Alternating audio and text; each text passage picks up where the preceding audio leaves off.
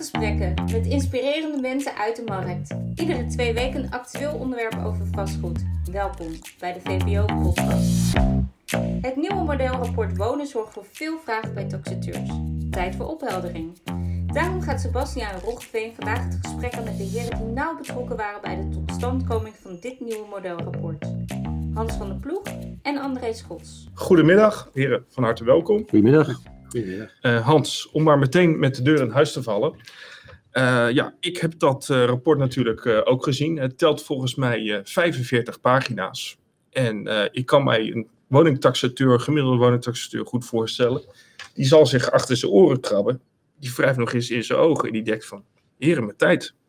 Lees ik het nou goed? Moet ik aan allerlei bouwkundige aspecten invullen, energetische maatregelen? hoe is dat nou allemaal gekomen? We zitten in een heel lastige tijden, corona. Hans, uh, wat kun je ons daarover uh, vertellen? Nou, maar even de aftrap, Sebastiaan. Ehm, ehm, ja, hoe zijn we nou gekomen tot dit eindproduct? Daar zit een lange historie aan vast. Ehm, en ik denk dat de leden die in de ronde door Nederland zijn geweest de afgelopen twee jaar, al van mij twee jaar lang horen dat dit eraan zit te komen. En dat we ons best aan doen waren in die tijd al om uh, een zo goed mogelijk eindproduct te regelen. En het eindproduct moest wat ons betreft in ieder geval een product worden waar onze afnemers van het product gewoon echt de toegevoegde waarde van zagen. Um, en daarbij moesten we ook nog rekening houden met wel de druk die er vanuit toezichthouders kwam, de AFM en DNB vooral, maar Nationale Hypotheekgarantie ook, Binnenlandse Zaken ook, het ministerie van Financiën ook die tegen ons zeiden van ja, wij willen gewoon per se dat als er nu een nieuw product ontwikkeld wordt, uh, dat daarbij um, er ook gewoon gezorgd wordt dat we zeker weten dat uitsluitend die taxateurs die echt verstand hebben van staal, steen en hout, uiteindelijk degene zijn die overblijven. Um, dus wat ons betreft, zeiden die toezichthouders, een rapport waar wij de toegevoegde waarde van zien. En twee, waarbij de kennis en kunde van de taxateur daadwerkelijk is afgetoetst. Um, daartussendoor liep natuurlijk nog het hele spel rondom dat modelmatig waarde bepalen. Ja, ja. Hans, ik ga je even onderbreken, want dat is een heel leuk onderwerp wat ik bewaar tot uh, halverwege vanmiddag. Oké. Okay. Um, André, ja. um, jij weet als geen ander uh, hoe je ja, met dit uh, modelrapport moet omgaan. Vandaar, vandaar dat je ook hier aan tafel zit. maar als je nou ja, even dit is natuurlijk in de primaire zin een lastig jaar. Hè? Corona en uh, thuiswerken. En, mag ik een pand wel gaan bezichtigen? Goed, we hebben daar als VBO ook allerlei uh, richtlijnen voor, voor opgesteld, zoals u weet. Maar ja, als ik me dan eventjes in de kijker verplaats, dan hoor ik vaak van, ja, waar, waar zadel je ons nu mee op? Kijk, zoals Hans al aangeeft, er is natuurlijk veel druk vanuit de politiek, vanuit de financiële wereld. maar hoe zie jij dat als, als taxateur? Ja, Sebastiaan, uh, goede vraag. Als ik uh, terugga de laatste twee jaar, dan zie ik dat er op het gebied van taxeren veel ontwikkelingen zijn geweest die geresulteerd hebben in het huidige model. Uh, net werd al even genoemd 46 pagina's. Ik kom daar waarschijnlijk straks nog wel even op terug, want daadwerkelijk is het geen 46 pagina's, maar uh, een, een deel daarvan. Wat belangrijk is, is dat wij vanuit de stuurgroep die in het leven is geroepen voor het ontwikkelen van het model, waar alle partijen die Hans net noemde in zaten, de opdracht hebben gekregen, en ik ben lid geweest van de werkgroep, eh, om op de verschillende onderdelen te kijken naar toegevoegde waarde voor de afnemer van het rapport. En dat is eigenlijk het allerbelangrijkste geweest. Oké, okay, en uh, om nog even terug te gaan naar de betrokken partijen. Uh, dan is het zo dat uh, ja, de taxateur, die als zijn André Schutters daarbij betrokken geweest, de branche, VBO, maar ook NVM en Vastgoed Pro. maar in hoeverre zijn de leden daarin meegenomen? Want dat is ook een van mijn ja, vragen. Ja. Uh, nou, volgens mij heeft u mij daar helemaal niet in meegenomen. Uh, luister eens eventjes. Uh, u zat op mij nou met een, een karrevracht aan regelgeving op. En ik krijg in één keer een hele papierwinkel over me heen gestort. Ja, ja hoe, hoe nou, leg je dat uit? Als ik terugga naar het tot stand komen van het model, dan zien we dat in 2019, dus dat is vorig jaar, zijn er al drie werkgroepen actief geweest op de verschillende onderwerpen. Elke werkgroep, daar zaten taxateurs in vanuit de verschillende brancheorganisaties. Daar zaten vertegenwoordigers van de brancheverenigingen in. Daar zat het NRVT in. Uh, en die hebben op de verschillende deelonderwerpen het voorwerk verricht wat bij de stuurgroep is neergelegd. En vervolgens heeft de stuurgroep eind 2019 gezegd, we hebben nu de, de ingrediënten opgehaald in de markt. En we gaan nu werken naar het tot stand komen van het model wat daadwerkelijk toegevoegde waarde heeft. En op dat moment is er een kleine werkgroep aan de slag gegaan. En die is en met taxateurs in gesprek gegaan. En met de toezichthouders. Maar ook met het ministerie, met RVO, met KCAF. En eigenlijk alle partijen die een stukje input hebben geleverd. Dus het is een heel proces met veel inbreng. Zeker, nou dat is uh, inderdaad uh, zeker waar. Uh, ja, als je het over de toegevoegde waarde hebt, je hebt daar volgens mij een heel mooi apparaat op tafel liggen. En dat is ook een van de vragen die ik net hier op mijn scherm krijg. Ja, moet ik nou eigenlijk ook de kruipruimte in, meneer, mevrouw, ehm, hoe zit dat eigenlijk? dien ik een vochtmeter bij me te hebben? ja, wat, kun je daar iets over, nou, over vertellen? Sebas, misschien is het wel goed om, voordat André nou gaat vertellen wat je dan in je tas moet hebben zitten als taxateur. Ik denk dat André dat standaard bij zich heeft overigens. Toch even het volgende. Hè? Want ik begrijp ook al die vragen wel. Van ja, het rapport is aanzienlijk uitgebreid. Het is, we moeten veel meer doen over bouwkundige staat. Veel meer over energetische staat. Ik begrijp die zorg wel. Aan de andere kant, ik sprak onlangs iemand die, ehm, die hield het volgende voorbeeld tegen me aan. Die zei, kijk, als je vroeger fietsenmaker was, dan maakte je fietsen en je ging ervan uit dat er aan die fietsen altijd trappers zaten. Want het, uh, het, de essentie van de fiets zijn die trappers. En op een gegeven moment kwam erop dat mensen eigenlijk dat trappen helemaal beu waren. Dus zeiden ze, nou, we willen eigenlijk wel een fiets zonder trappers. Maar die man die zei van, ja, maar mijn filosofie is, een fiets heeft altijd trappers. En toen kwam er een van zijn concurrenten en die ging op een gegeven moment een fiets maken met een accu erop. En zeiden, ja potverdorie, nou moet ik toch een fiets met accu gaan maken. Want anders verkoop ik straks geen enkele fiets meer. Nou, um, ik vond het zo'n mooi voorbeeld over dat taxatierapport. Want wij hebben ook gewoon eens goed geluisterd naar die consument. Die zei van, joh luister eens, ik krijg een taxatierapport. Ik moet er 500, 600 euro voor betalen. Het is een invuloefening geworden. Wat heb ik er eigenlijk aan? Ik heb het alleen maar nodig om een hypotheek hier rond te bakken. Um, dus, nou doe dan maar zo'n modelwaarde, zei ik er dan achteraan.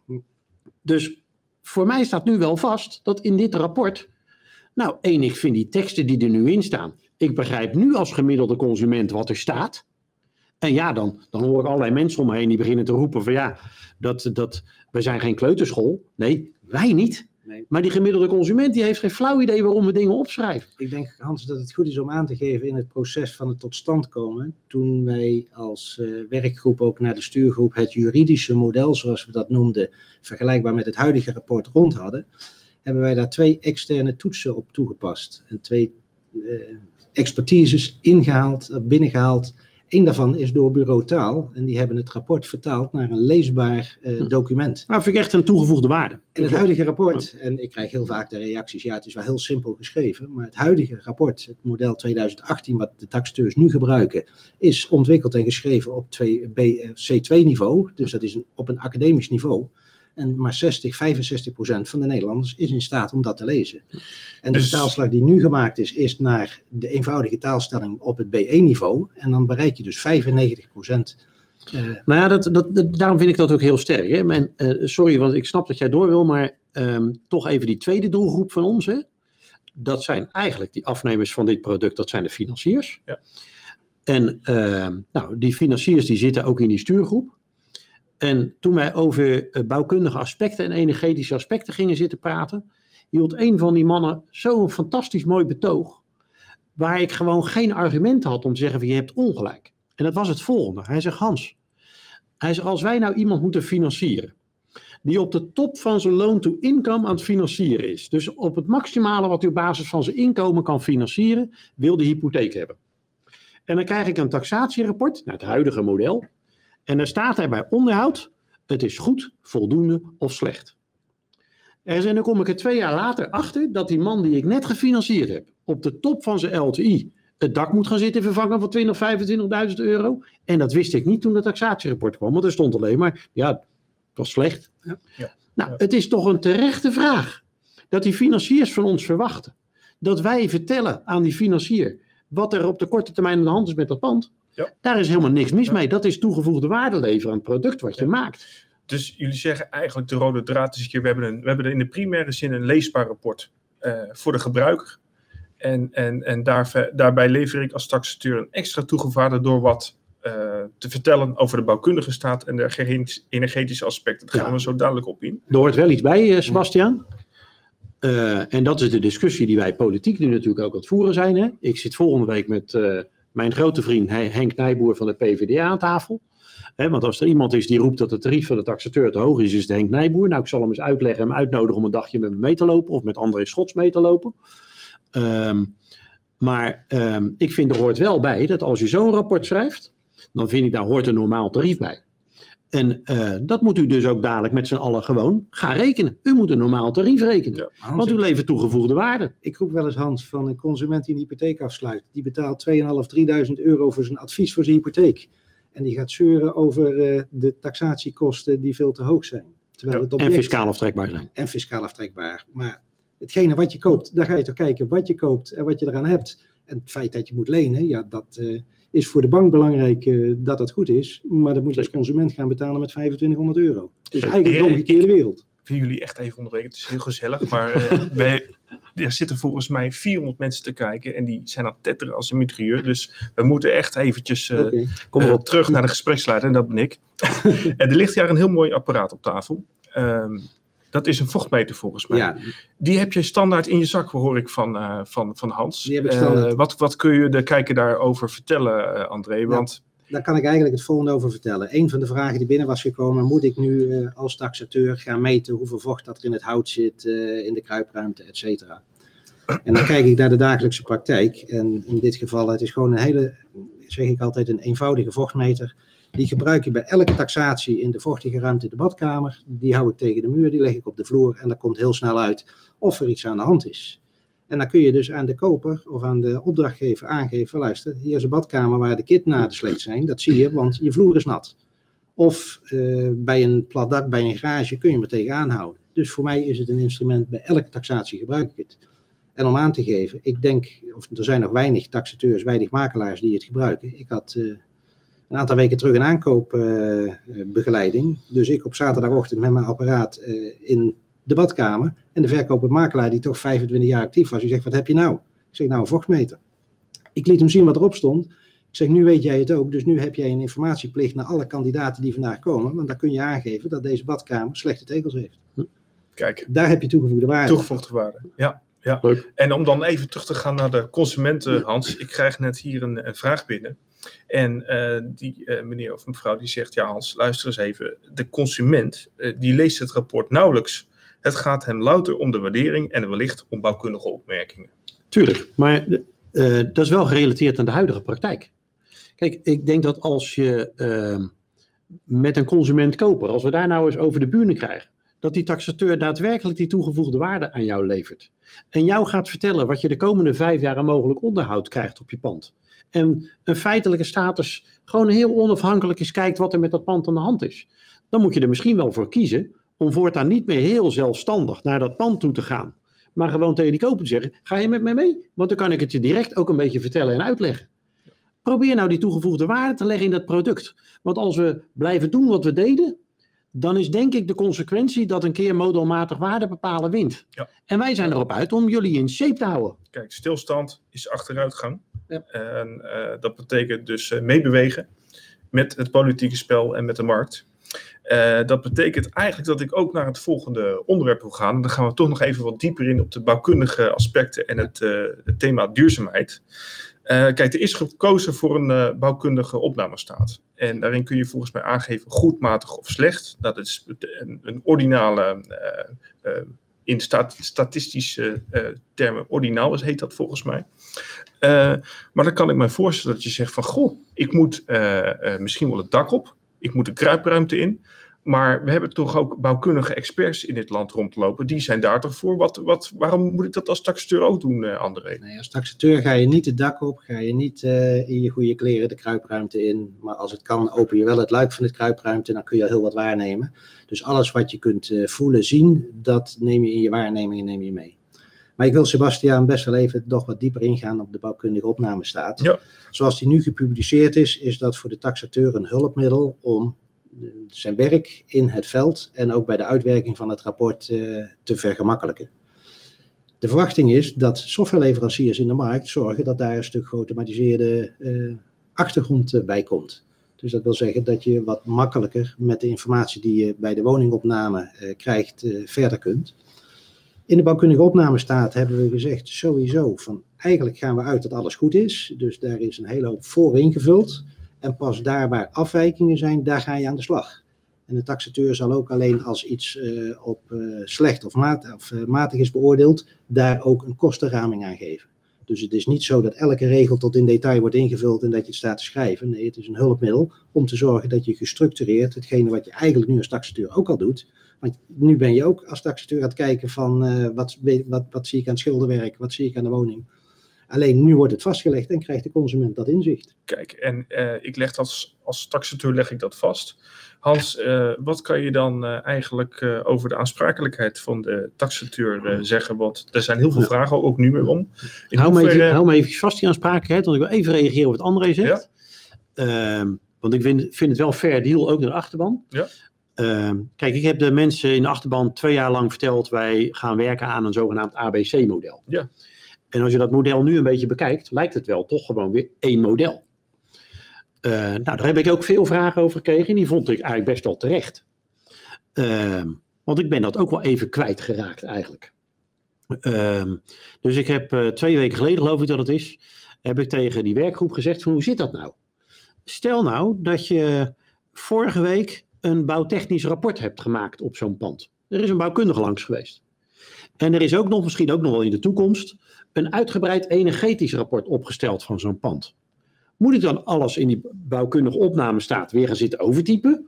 Uh, en straks bij dat energetisch ook. Dat is een beetje gekkigheid. Nou, daar uh, kan ik je van vertellen. Dat is inderdaad weer even opgepakt bij de werkgroep. Daar wordt een ei over gelegd. En ik ben er eigenlijk persoonlijk van overtuigd inmiddels. Nee, natuurlijk gaan we niet dingen dubbel doen. Uh, dan gaan we dat rapport van dat bouwkundige aspect, uh, van die bouwkundige gewoon aanhechten. En dan moet je wel de essentie die uit dat rapport komt. Ik wil net zeggen, Hans, je moet verwerken in je rapport. Als taxateur wel kijken wat staat in het bouwkundige rapport. Je Tuurlijk. kunt niet volstaan met er is een bouwkundig rapport, ik ben klaar. Nee, ja, maar we gaan geen domme typgeiten worden, hè, als je dat zo mag zeggen. Nou ja, precies. Het is goed, nee. dat je het, goed je het zegt, maar wat, wat daarbij opvolgend uh, speelt, is dat uh, onze leden zeggen van ja, ga je hier niet mee het taxateursvak om zeep helpen met het, het overtypen en, en extra denk, dingen doen? Nee, en... Ik denk juist niet, Sebastian. Kijk, ik denk dat als je die filosofie hebt, um, dan moet je blijven doen wat je deed. En dan kan ik je voorspellen, dan wint modelmatig waarde bepalen. He, de druk van de, maar goed, het gaat iets te ver vandaag om over modelmatig waarde bepalen te gaan praten, maar de druk die daar nog steeds leeft, die is gigantisch groot. Um, um, dus ik vind, je moet juist proberen gewoon middels deze aspecten die toegevoegde waarde te bewijzen. Even terug naar je vraag, want die heb ik niet beantwoord over de aansprakelijkheid. aansprakelijkheid ja. Uh, ik probeer ook op te letten. Uh, we hebben over die aansprakelijkheid natuurlijk ook uh, nagedacht. En we hebben daar contact over gehad met alle verzekeraars. Uh, nou, we hebben zo een mantelovereenkomst met een beroepsaansprakelijkheidsverzekeraar die inmiddels voor, ik geloof iets van 400 leden de beroepsaansprakelijkheid heeft geleverd. Daar hebben we dat rapport naartoe gestuurd. En die zei eigenlijk maar één ding tegen ons. Hij zegt, Hans, nou willen we het zeker onder dekking brengen, want nu hebben we gewoon een beter rapport. Dus, not an issue. Het is geen issue. Nee. En als er verzekeraars zijn die daar de premie door gaan laten stijgen, nou die moet ik nog tegenkomen. Ik heb het, ik heb het niet gezien. En als ze nou, uh, hoe zit dat eigenlijk met de afsprakelijkheid rondom uh, bouwkundige gebreken? Uh, wordt hier gevraagd. Ja. Kun je daar iets over Ja. vertellen? Ik, ik, ik, ja, dat kan ik. Um, als ik kijk naar wat de taxateur doet in zijn opname en in zijn rapport, dan gaat hij een oordeel geven over de verschillende onderdelen op het bouwkundig gebied. Hij gaat daar uh, vastleggen wat hij gezien heeft, wat er aan de hand is. En hij geeft een kostenindicatie. Ik zeg heel nadrukkelijk een kostenindicatie. En iedereen die gekeken heeft in het model, overal staat geschatte kosten, een raming. Het is geen bouwkundig rapport. Het is een indicatie die gegeven wordt aan de opdrachtgever, de consument. Waarbij heel nadrukkelijk gezegd is, wil je het exact weten, vraag een offerte op bij een aannemer. Uh, ga je deskundig laten informeren over wat er precies aan de hand is. En als we wel wezen, als we kijken naar de huidige bouwkundige rapporten, daar staan ook indicaties in. En daar staat als uh, regel onderaan de pagina, aan dit rapport kunt u geen rechten ontlenen. Dus ook daar geldt precies hetzelfde. Is, Alleen, is dat de reden waarom er gekozen is voor een schatting? Nou, de schatting is, de taxateur is geen bouwkundige. De, de taxateur is een adviseur, een, een, een, deskundige op het gebied van woningen, de kwaliteit van woningen, maar is geen aannemer. Weet niet exact wat uh, een, een, vervanger van de dak kost. Ja, een taxateur is een schatter. Is een schatter, ja, dat ja. is het vak. Alleen dat wordt dus inzichtelijk gemaakt. En om te voorkomen dat de consument over een half jaar zegt: ja, maar taxateur, jij schreef in het rapport dat dak dat kostte 10.000 euro. Nee, dat de bedragen uit de bouwkundige opname staat, die worden vertaald in een bandbreedte. Dat is een eh, automatisme wat in het model zit. En die bandbreedte wordt automatisch overgenomen in het taxatierapport. Helder, ja. Ehm, er wordt nog een, een vraag gesteld uh, hier omtrent, uh, Hans. En dat is, komen er ook opnameformulieren beschikbaar, hetgeen de opname van de woning makkelijker maakt? Nou, wij zien nu al dat er allerlei partijen zijn die opname-apps aan het ontwikkelen zijn. dat is nog wel op basis van het oude model. maar die zullen ongetwijfeld dat, die toepassingen ook gaan aanpassen op het nieuwe model. En ik denk dat dit model ook tot stand gaat brengen dat er inderdaad allerlei formulieren ontwikkeld gaan worden. Misschien ook wel door VBO, uh, door andere partijen denk ik ook. Ik heb dat altijd het liefst branchebreed, samen met NVM en Vastgepro. Want dan uh, kunnen we één de kosten delen en dat is makkelijk voor, uh, voor de afnemers van het product. Maar ehm, ja, ik denk dat er van alles ontwikkeld wordt om dit werk makkelijker te maken. He, wij zijn in gesprek met uh, partijen die die kosteninschattingen voor die verbouwing en uh, voor die renovatie en voor die bouwkundige gebreken makkelijker inzichtelijk maken in het rapport. Ja, natuurlijk zijn we dat aan doen, zeker. Ja, ja. En is het zo dat dit dan ook elke drie jaar tot een nieuw modelrapport gaat leiden, zoals we eigenlijk hebben, altijd hebben gedaan? Of uh, ja, kan ik over drie jaar weer een karrevracht aan regelgeving verwachten? Waanzinnig moeilijk, Sebastian. Of is het te veel op de muziek vooruitlopend? Kijk, weet je, um, de afgelopen weken is er een heleboel turbulentie geweest over de funderingen, uh, het KCAF. Ja. Uh, nou, daar zal ik in de nieuwsbrief nog wel een keer wat over schrijven, want uh, dat is toch minder heet als dat het opgediend is. Maar um, ja, daar kwam vervolgens ook uit naar voren dat er opeens allerlei politici ook, en ook toezichthoudende organen, aan ons de vraag stelden: hebben jullie eigenlijk in dat model wel rekening gehouden met de bodemdaling in Nederland? Nou, ik kan je vertellen, daar had ik tot een half jaar geleden nog niet over nagedacht. Dus ja, ik, ik weet het niet. Nee. We gaan het wel meemaken. Ja, ik denk dat het een issue gaat worden. Ja. Nou ik, ja, dat is terecht wat je zegt. Want we hebben natuurlijk uh, ook deze zomer weer enorm veel droogte gehad. Ja. Dat betekent dat doet dat met de bodem.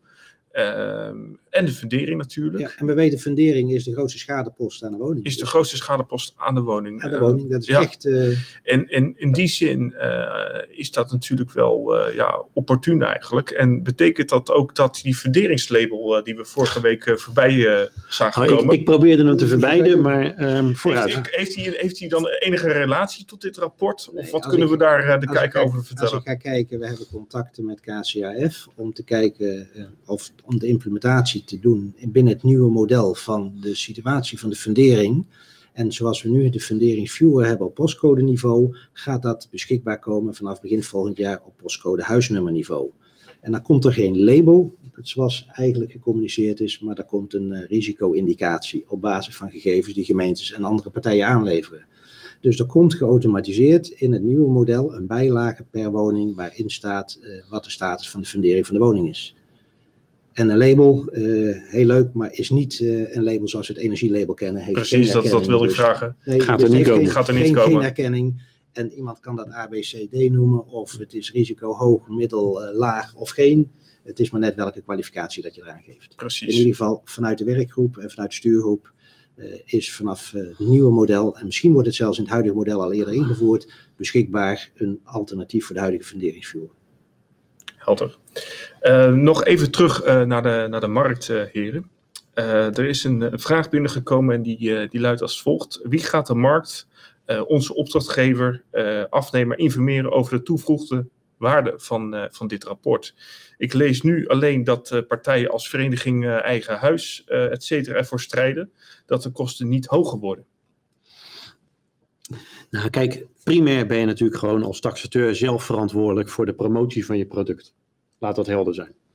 Um, dus je moet vooral zelf je toegevoegde waarde kunnen aantonen. Als je daar vragen over hebt, dan uh, had je die de afgelopen jaren ook al waarschijnlijk. Dus um, ik vind je moet vooral zelf aan de gang.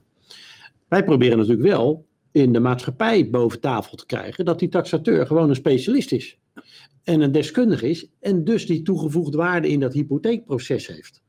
En um, nou, we gaan de komende periode natuurlijk ook over nadenken. Hoe krijgen we nou bij de consument over de bühne dat die begrijpt dat je zonder taxatie eigenlijk geen huis moet kopen? Ehm, we hebben vorige week hier weer een dossier op ons bureau gekregen. waarbij iemand koopt zonder ontbindende voorwaarden. zonder bouwkundig voorbouwd. En ik ga je vertellen, die man die gaat voor 200.000 euro de bietenbrug op. Omdat hij onder die voorwaarden heeft gekocht. Wij hebben daar met z'n allen, dus ook de leden zelf. een gezamenlijke verantwoordelijkheid in. om uit te dragen dat wij specialist zijn. Nou, daar moeten wij wat aan doen. Daar moet u vooral ook wat aan doen. eh, met z'n allen. Oké, helder. Eh, heren, we gaan over naar het eh, derde onderwerp van vanmiddag. En we hebben het al even genoemd, dat is de toegevoegde waarde van de taxateur. Even terug naar, die, naar die, dat fenomeen duurzaamheid. Ehm, kijk, aan de buitenkant eh, kan ik niet zien of de muur een, eh, een spouweninstallatie eh, heeft. Eh, dus ja, zegt een lid, ik kan het eigenlijk helemaal niet goed uitrekenen. Wat is dan mijn toegevoegde waarde als, eh, als taxateur? Nou, Wie, eh, wie van jullie... Maakt niet uit. Ik wil beginnen. Kijk, dat, eh, op dat energetische deel, hè, Sebastiaan, daar wordt natuurlijk de wereld nog een beetje ontdekt. Ehm, we hebben nu een nieuw energielabel eh, binnenkort. Nou, we doen nu allemaal hartstochtelijk ons best om voor 31 december iedereen nog aan een energielabel te helpen, wat maar 1 euro kost, want dan zijn ze er de komende 10 jaar vanaf. Maar voor, eh, kijk, bij de ontwikkeling van dit model hebben we wel gezegd, we moeten natuurlijk niet onze ogen sluiten voor politieke besluitvorming. Er is gewoon een energieakkoord. En in het energieakkoord staat dat wij in 2050 energie-neutraal zijn met de woningmarkt. Nou, dan kunnen we nu onze ogen dicht doen en zeggen van nou, we gaan er maar niet naar kijken.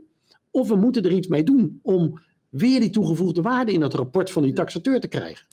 Nou, daar zijn we mee bezig gegaan. En dat is echt nog niet tot in detail helemaal wat het uiteindelijk moet worden. Voor mij staat wel vast, naarmate dat 2050 dichterbij komt, wordt dat energiehoofdstuk op het vastgoed een belangrijkere waardecomponent. En dan kun je het nu al niet overslaan. Kan niet.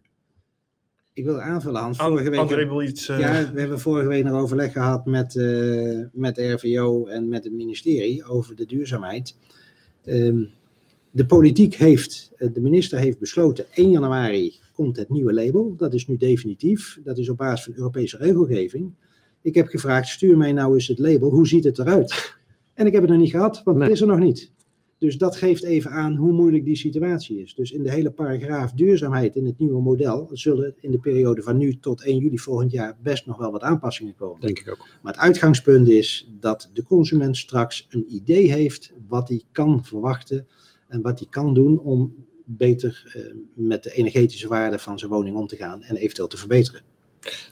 Daarbij is dus eigenlijk een heel belangrijke rol voor de taxateur eh, weggelegd. En eh, dat ligt ook eigenlijk eh, dan in het verlengde van zijn eh, volledige taxatie. Ja, en een Ja. kans, hè? En een kans, ehm, ik wil net en een zeggen, kans. want En een als- kans, Als tax- taxateur even aan de slag gaat, hij loopt toch door die woning heen en hij bouwt de kennis op, dan kan hij naast zijn taxatierapport kan hij ook eh, zich gaan specialiseren als eh, opne- opnemer voor het, voor het label. En dan Nou, gaan werken naar labels afgeven. Kijk, ik zat vanochtend in een vergadering bij, ehm, eh, dat gaat allemaal via Teams ook allemaal netjes overigens, eh, bij de waarderingskamer. En dat is het, eh, dat is het orgaan wat toeziet eh, op de uitvoering van de wet WOS.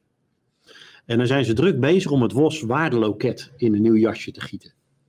En dan hebben ze dus ook bedacht, weet je wat, we gaan daar ook alle energielabels in stoppen, want dat heeft invloed op de waarde van het pand. Dus ik van het huidige energielabel invloed op de waarde van het pand. Ik zeg, daar begrijp ik helemaal niks van. Ik zeg, volgens mij heeft maar één waardecomponent invloed. En dat is, wat moet ik nog doen om het energie-neutraal te maken? Wat kost dat? En of het dan A, B, C of D is, totaal niet relevant. Nee. Ik zeg, het is relevant om te weten, wat moet ik nog investeren om die woning energie-neutraal te maken? Nou, daar moet dat rapport zich naar doorontwikkelen, wat mij betreft. ja. En om aan te geven de zwaarte daarvan, vanaf 1 januari 2021, dat is dus nog eh, dik twee maanden, zal een gemeente geen omgevingsvergunning meer mogen afgeven voor nieuwbouw als er geen energetische berekening aan de grondslag ligt en een label is afgegeven. Kijk. Dus dan wordt er een label afgegeven op basis van de ingeleverde waardes. Dat label krijgt dan een eh, logootje voorlopig label. Ja. En bij het gereedkomen van de bouw wordt dat label definitief gemaakt. Nou, En de vergunning wordt niet afgegeven als eh, de berekeningen er niet zijn. Ben ik net op tijd klaar met verbouwen. Grapje. Zeg, eh, ja heren, we hadden het straks al eventjes eh, over tafel. Eh, dat is de modelwaarde. We leven, ja, zoals je net ook aangeeft, Hans, in een, in een digitale wereld. Hè. Alles gaat steeds sneller en de stilstand is achteruitgang. Maar hoe kijkt de VBO nou eigenlijk aan tegen een hybride taxatiemodel? Wat kun je de, de kijker daarover vertellen? Nou, je maakt het mij niet makkelijk, Sebas. Dat was Ehm, een van mijn opdrachten. Dus, eh, Ehm, want eh, ook, ook heel eerlijk naar de luisteraars. eh, wij zitten daar best wel een beetje in een spagaat. ja, ja. Ehm, ik vind hem ook best wel ingewikkeld. Mhm. Kijk, aan de ene kant zeg ik van joh, eh, ik moet er alles aan doen om die taxateur zo lang mogelijk gewoon zijn werk te laten doen. En die modelmatig waardebepaling, het is niet anders dan een product wat hem daarbij kan helpen. Dat standpunt heb ik tot op de dag van vandaag. Dat een modelwaarde is een hulpmiddel en niet meer dan dat. Aan de andere kant, ik ben ook wel realist. Die modellen worden wel met de dag beter. En eh, naarmate dat er steeds meer data transparant komt, en die komt steeds meer transparant, zul je zien dat die modellen zich doorontwikkelen. Ja. En zo van ja, moet ik dan helemaal mijn ogen sluiten? Dus ik van nee, dan moet ik niet helemaal mijn ogen sluiten, maar dan proberen wel die discussie die daarover gaat zo goed te sturen ehm, dat er werk blijft voor taxateurs. Want voor mij staat wel vast, zo'n modelwaarde heeft een paar problemen. Het is altijd ge- gebaseerd op historische transacties. Dat gaat in een stijgende markt hartstikke leuk. Maar ik heb geen flauw idee hoe dat ding ontwikkelt als de markt in elkaar zakt. Hè. Dan doen we toch met eh, Amsterdam als voorbeeld. Eh, helemaal hoge prijzen op dit moment. En de, de, de, de markt zal maar inkakken. Dan doen we daar dus een modelwaarde afgeven die veel te hoog is. Dus dat vind ik een probleem. Twee, het houdt geen rekening met erfpacht. Het houdt geen rekening met huur of verhuur. Het houdt geen rekening met bouwkundige staat. Het houdt geen rekening met omgevingsfactoren. Er zijn allerlei dingen waardoor ik zeg van dat rapport van die taxateur geeft toegevoegde waarde. Wat die modelwaarde niet kan. Nou, dan moet de bank maar besluiten op basis waarvan ze willen financieren. Nou, dat is een Ja. strijd die we nu voeren. Oké. Even in André, heb je daar nog uh, wat vragen en Ja, een ik heb- aanvulling eh, op? In het nieuwe model zal het eh, de goede lezer opgevallen zijn dat de modelwaarden zijn uit het rapport en die zijn verplaatst naar een bijlage. Dus dat is een eerste stap. Dat, eh, Vind ik wel goed nieuws.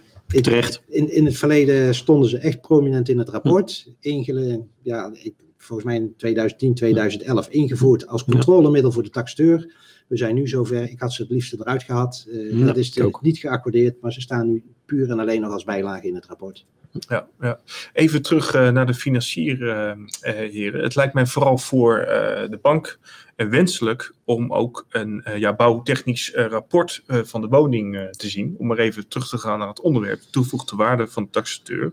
Ja, wat is dan eigenlijk ehm, eh, mijn toegevoegde waarde als, als woningtaxateur als ik ook een bouwkundige opnamestaat bij een expert kan, kan, eh, kan opvragen? Voor zover ik niet zelf een expert ben als woningtaxateur, maar dat terzijde. Eh, ik ben geen bouwkundige. Drie uitroeptekens eh, hier op mijn beeldscherm. Eh, Hans, hoe, hoe kijk jij er tegenaan? Nee, maar je kunt natuurlijk ook best, als je zegt van nou, ik heb zoveel vragen bij dit object. kun je natuurlijk best aan een bouwkundige inspecteur opdracht geven om hem eerst bouwkundig te inspecteren. Ik vind dat ook normaal. Want hoe kun je nou een waarde afgeven als je niet goed inzichtelijk hebt wat er aan onderhoud aan zo'n pand zit? Dus dat, eh, dat, dat kan. Ehm, je kunt het ook anders beredeneren. Ik ga mij opscholen tot bouwkundig inspecteur en tot energetisch inspecteur. En ik maak een rapport wat zo goed is, waar die consument weer van zegt: joepie, joepie, joepie, dankjewel. Het is maar welke koers je wil varen met je onderneming. Hans, de goede lezer in het rapport, die heeft gezien dat er in het nieuwe model een vraag staat. Adviseer ik als taxateur een bouwkundig rapport op te laten stellen?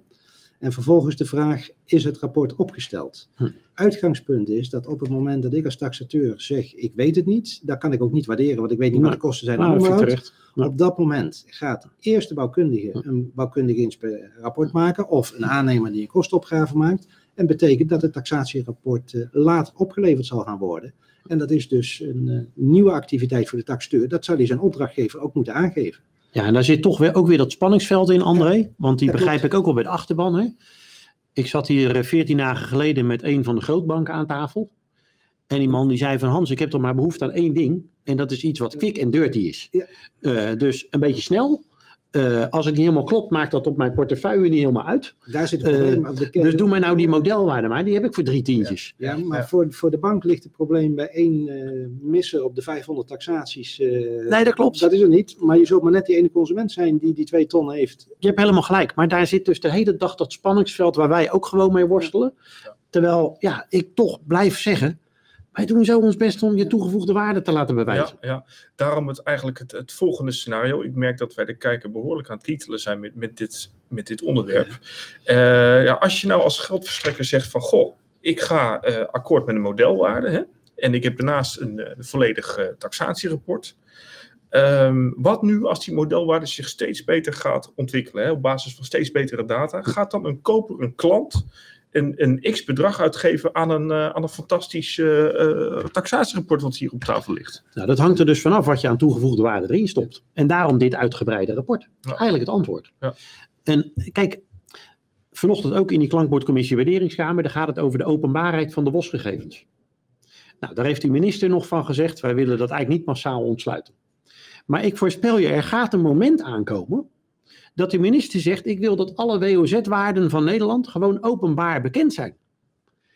Nou, ik, er zijn een hele, ik vind die boswaarden niet meer zo slecht hoor. Nee, Ik, eh, precies. de, De welvaarde ehm, is natuurlijk ook een modelmatig eh, vastgestelde waarde. Waarde, Is ja. juridisch eh En verankerd dan, natuurlijk. en dan is dus juist de opdracht. Wij moeten in zo'n rapport zorgen dat we laten zien aan de consument waarom je dat rapport nodig hebt. Je Ja. kunt niet zonder.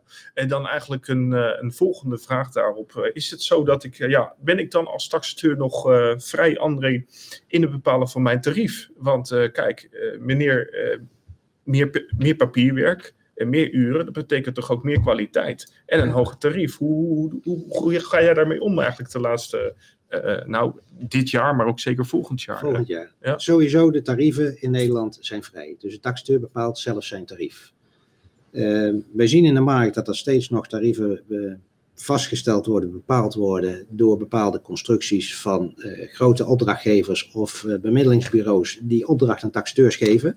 En laatst had ik nog een discussie, een taxateur die zegt, ja, ik krijg maar 235 euro inclusief de btw voor een rapport. Dus ik kan maar een paar uur, eh, twee uur besteden aan het rapport. En dan zeg ik, ja, heel leuk, maar daar kun je niet de kwaliteit leveren die je nu met het nieuwe model nodig hebt. Dus de tarieven, ongetwijfeld. Je moet gaan kijken, wat ben je aan tijd kwijt? Een goed rapport nu kost ook al 5, 6, 700 euro. Het hangt een beetje af de regio en eh, het type rapport wat het is. En ik verwacht dat de tarieven zeker niet omlaag zullen gaan. Maar dat is marktwerking, eh, Sebastian. Ja, het is natuurlijk het is marktwerking, maar is daar ook niet een bepaalde, ja, we hebben het eigenlijk in het begin al aangegeven, druk vanuit de politiek en de bank die zeggen van, eh, ja, die modelwaarde die, die wordt nu leidend. En ja, dat, dat speelt Ja. toch eigenlijk ook mee in dit, dit hele speelveld. Ja, maar hoor jij de discussie over de tarieven van de hypotheekadviseur voor het verstrekken van een hypotheek? Ik hoor ze niet hoor. Nee, nee. En waarom wel over het eh, taxatierapport en waarom wel over het energielabel, waarom wel over, het is makkelijk scoren. Nou, plus Sebas, kijk, ehm, toch ook weer, ik probeer altijd een beetje te redeneren, hoe kijkt nou afnemen van mijn product naar datgene wat we aan het doen zijn. En ehm, toch deze man van die grootbank, die zei van kijk eens, als iemand bij mij langskomt en die wil een financieringje, maar hij heeft een dijk van inkomen.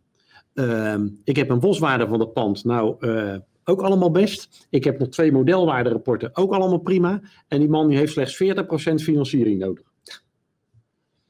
Hij zei Hans, waarom moet ik die man nou opzadelen bij een uitgebreid rapport? Nou, dan heb ik natuurlijk mijn verhaal al klaar dat ik nog steeds vind dat het nodig is. Maar vanuit zijn positie geredeneerd, ik ja, dan begrijp ik wel dat zo iemand zegt, doe mij maar een modelwaarde, ik geloof het wel. Ja, ja. Nul risico. Het is toch eigenlijk, kunnen we stellen dat eh, de, de EBA-richtlijn hè, van de European Bank Authority, die dus eh, dit eh, voorjaar is, is uitgebracht, is het niet zo dat ja, de, de woningtaxateur en daarmee ook VBO niet alleen een steuntje, maar ook de wind in de rug heeft, kunnen we zeggen? Want de EBA die stelt toch van, nou ja, er moet altijd nog een inspectie van het vastgoedobject plaatsvinden. Ja, André, hoe, hoe kijk jij daar tegenaan?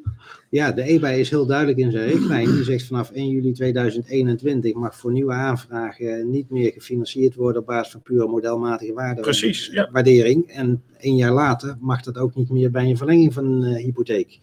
Nou, dat heeft heel wat stof doen opwaaien. Dus de banken die zijn heel zenuwachtig op dit moment. Want er zijn een aantal banken die grootschalig modelwaardes gebruiken voor eh, hun hypotheek. Ja. En die zijn dus terechtgekomen bij de stuurgroep. En de stuurgroep heeft een opdracht gekregen om daar eh, intensief naar te kijken. Dus daar zijn we mee aan de slag. En eh, Hans, je weet... eh, eh, Nou ja, ik, ik had gehoopt dat we het gezellig zouden houden vanmiddag. Maar dit is zo'n onderwerp, daar word ik helemaal niet blij van.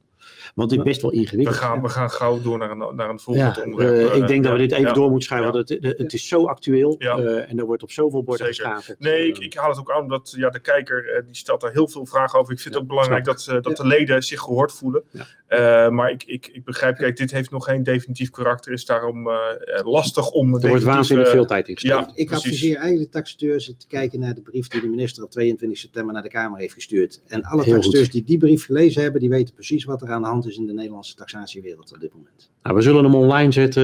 Laten we dat even opschrijven, dat we hem online zetten op het Gaan leven. we, gaan we Dat is wel doen. leuk. Want het is inderdaad een goede brief. Ja, een hele goede brief. Nou, Ehm, nee, niet goed, een duidelijke brief. Duidelijke brief, ja, dus brief. Ja, dus goed. Heren, we gaan eh, door naar het eh, laatste onderwerp eh, van vanmiddag. En dat is de permanente educatie en het eh, examen.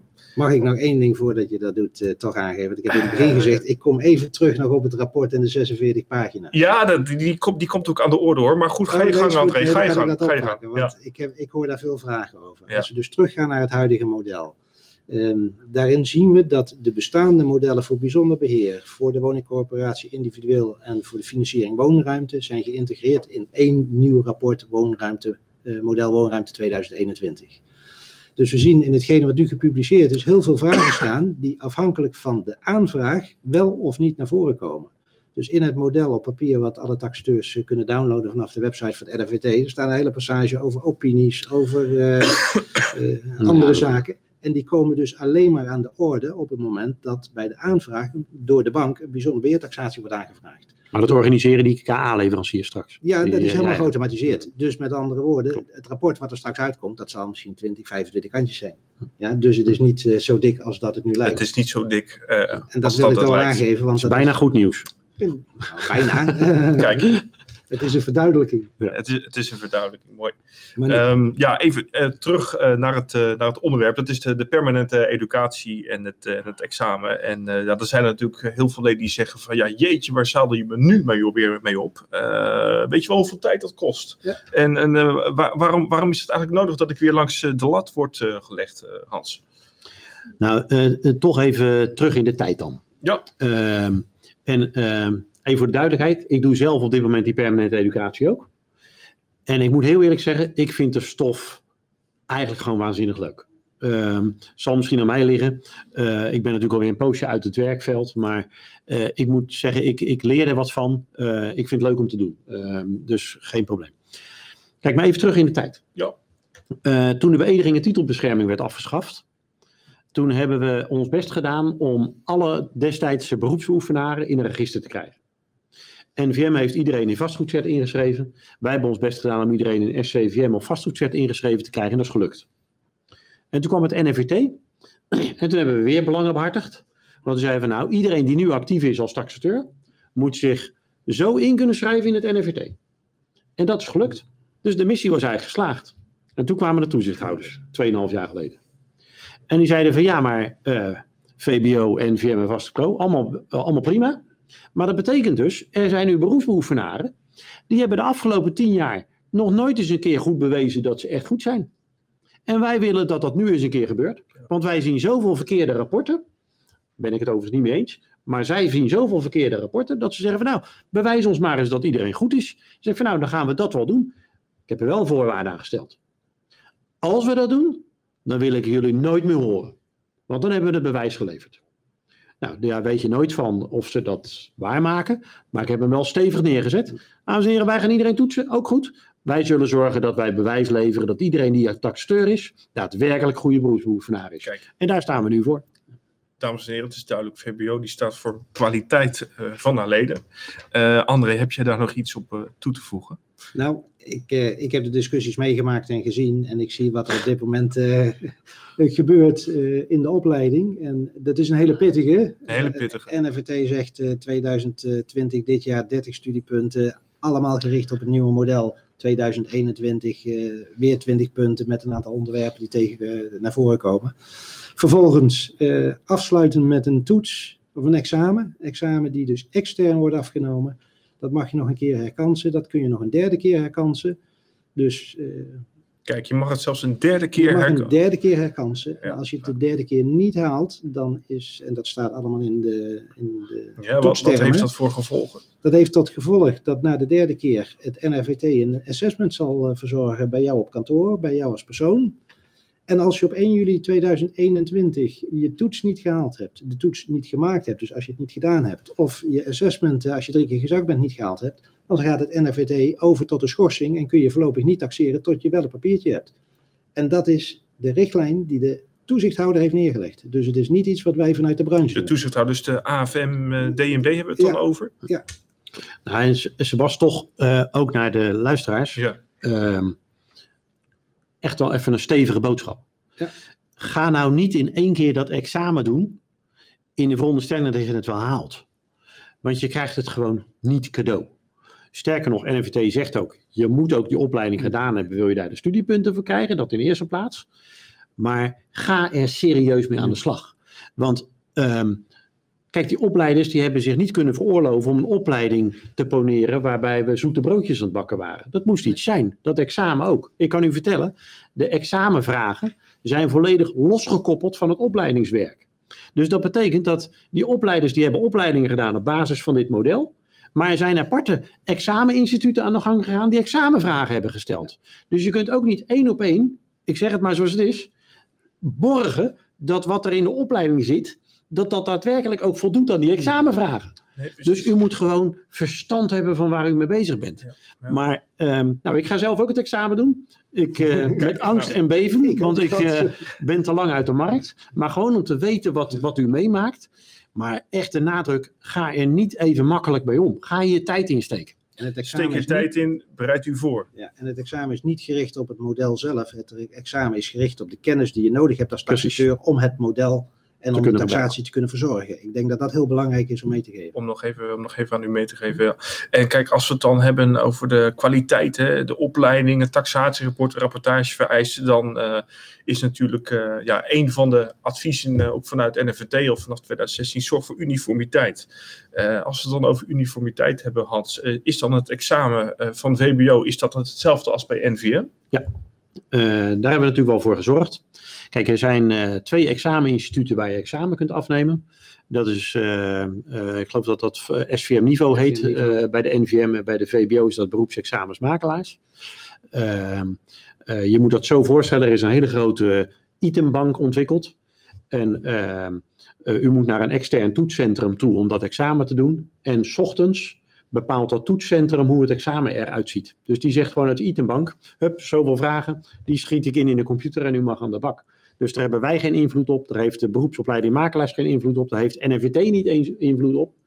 Er wordt gewoon een examen samengesteld. Er wordt een examen samengesteld. En, en als je het dan over eh, voorbereiding hebt, eh, is er dan ook iets van een proefexamen wat ik, eh, wat ik kan doen? Nee, die zijn er niet. Er is geen proefexamen. Nee, Nee. Wat, wat wel zit in de opleiding bij eh, de beroepsopleiding makelaars, bij elke module en aan het eind zijn er oefenvragen. Dus die komen wel in de opleiding naar voren, maar er zijn geen eh, echte eh, toets- of proefexamens.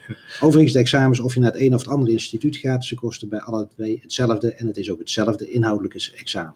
Hetzelfde inhoud. ja. Ja? En vanaf, weer, vanaf wanneer kunnen de leden zich daarvoor Nu al. Nu al, Je dat kan nu al gewoon via de website van de beroepsopleiding kun je je aanmelden en eh, factuur betalen kun je aanmelden op het instituut. Alleen ik adviseer, is sowieso verplicht eh, vanuit het NRVT dat je de 27 studiepunten haalt. Dat moet je doen. Doe eerst de opleiding, de cursus en ga pas daarna het examen doen. Ja, ja. Als we dan even op dat eh, examen eh, inzoomen, eh, wordt er dan van de taxateur ook verwacht dat hij ja, een cursus krijgt over het ja, meten en beoordelen van vochtpercentages in diverse materialen, om maar even heel circulair eh, eh, eh, te praten? Of, of wat, wat moet ik me daarvoor bij voorstellen als het over duurzaamheid gaat? Ja, als het over duurzaamheid gaat, we moeten even kijken naar de toetstermen zoals die gepubliceerd zijn. Want wat dat betreft is de markt en de NRVT en de exameninstellingen zijn wel transparant. Er is per onderwerp gedefinieerd welke begrippen, eh, welke onderwerpen getoetst gaan worden. En Nou, wordt dat- echt van de taxateur niet verwacht dat hij met een eh, vochtmeter of met een pennetje in eh, een balk nee. gaat en zegt van Nee. als er dat uitkomt, dan betekent het eh, dat en dat. Nou, en ik heb natuurlijk af en toe een speakbriefje hier, hè, dat, eh, want ik weet niet alles uit mijn hoofd. Maar die toetstermen, dat is op zich voor de luisteraars ook wel interessant. Die kun je vinden op de website van examensvoormakelaars.nl. Eh daar kun je het hele scholingstraject van eh, dit proces eh, vinden. En daar, staan ook, daar staat dat toetstermen document. Dus daar weet je een beetje van nou in welke categorie kan ik nou vragen verwachten op het examen. Ja, kijk, helder. Ja, en die vragen zijn ook gedefinieerd. Hè? Zoveel vragen binnen bouwkundige domein, domein zoveel binnen duurzaamheid. En eh, de rest, het restant is zijn algemene onderwerpen. Ja. Het examen is totaal 60 vragen, 90 minuten. 60 vragen, 90 minuten. minuten. En, en eh, ja, hoe, hoe bereid jij je op zo'n examen voor, André? Want er is geen proefexamen en ik merk Nee. dat, het, dat er behoorlijk wat eh ongedurige ongerustheid is Ja. bij, bij de kijker thuis. Hoe, hoe ga jij daarmee om? Nou, om even de kijker Ja, enigszins gerust te stellen. ik ben, ik ben geen, eh, geen, geen echt schoolvoorbeeld van hoe dat het binnen de, eh, voor de tax, uh, taxateurs geldt. Ik ben betrokken geweest bij het samenstellen van het model, dus op basis daarvan heb ik uh, bij alle onderwerpen redelijk veel kennis opgebouwd. Ik volg nu op dit moment zelf de cursus van de BOM, met alle modules, dus dat is een stukje opleiding. En daarnaast ben ik door een van de opleidingsinstituten gevraagd ook cursus te verzorgen op het gebied van het model. Dus ik ben op meerdere fronten actief met de materie. En dat is dus niet hetgene wat een taxateur gemiddeld doet. Nee, precies. Maar de voorbereiding is volg de hele BOM-cursus. Uh, volg de hele uh, opleiding. Ja. ja. Nou, kijk, en waar ik, waar ik uh, maar die ervaring moeten we even op gaan doen. Kijk, waar ik best naar wil kijken, is stel nou dat we straks tot de conclusie komen. Uh, als er een hele grote groep voorbij is gegaan. Die zegt van nou, nou heb ik een keer examen gedaan, maar ik ben finaal gezakt. Ik verzin het hier ter plekke hoor. Ja. En uh, dat geeft mij nu zo als kandidaat zoveel onzekerheid. Kunnen we niet eens een keer met een type als een André Schots een keer een zaal in? Om dat gewoon dat rapport nog eens door te nemen met elkaar. Nou, ik ben ervan overtuigd dat wij samen met André daar bijeenkomsten voor zouden kunnen gaan organiseren die dat faciliteren. Ja. Maar de eerste opdracht is, ga nou gewoon allemaal eens serieus aan het werk. Ga gewoon eens op. En uh, dan gaan wij natuurlijk ons best doen om iedereen eroverheen te helpen precies.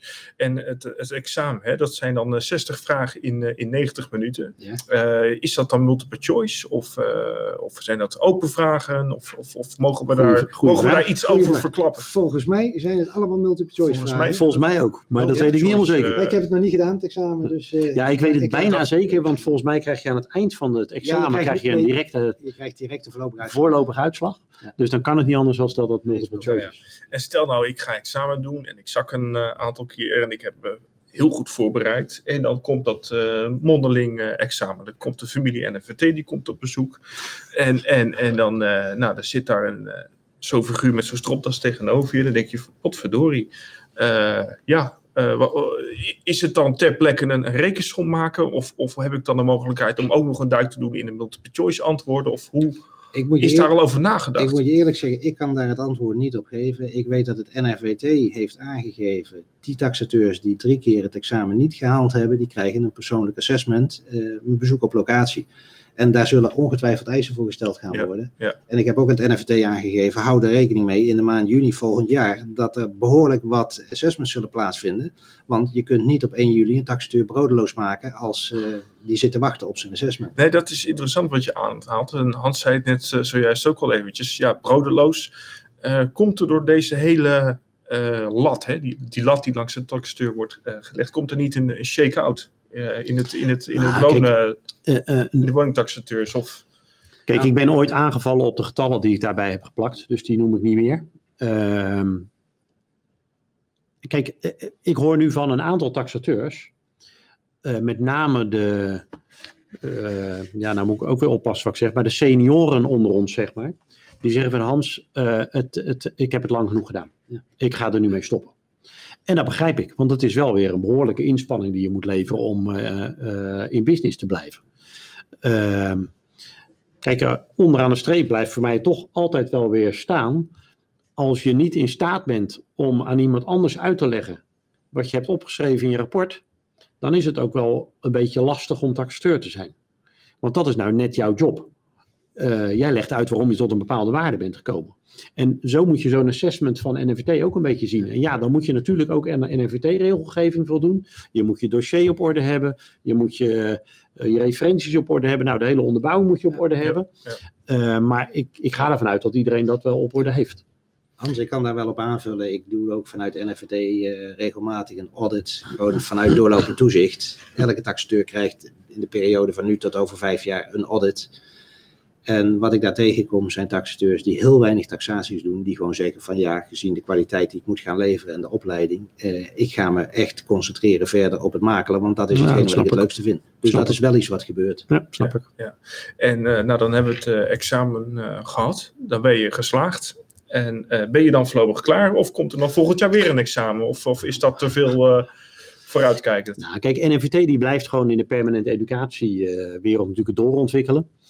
Uh, wij zitten daar als VBO wel op een bepaalde manier in, in die discussie. Uh, want ik vind, je hoeft ook geen permanent educa permanente educatie op te leggen om maar permanente educatie op te leggen. Dus um, ik vind permanente educatie een groot goed. Maar het moet wel ergens over gaan wat mij dan toegevoegde waarde levert. Ja. Hè, ehm, en dat vind ik de afgelopen jaren, vind ik dat zowel bij vastgoedzet als bij SCVM als bij NFVT, is er een beetje ingeslopen dat men permanent educatie geeft om het aantal uren vol te maken. Dus ik vind ja, maar raakt het mij nou ook nog in mijn praktijk? Ik wil graag educatie waar eh, toegevoegde waarde in zit voor de makelaar of taxateur. Ja, ja. Ik dank Hans van der Ploeg. Ik dank eh, André Schots. Ik hoop dat wij u eh, wel hebben bediend. En ehm, ik wens u nog een fijne middag toe. Dankjewel.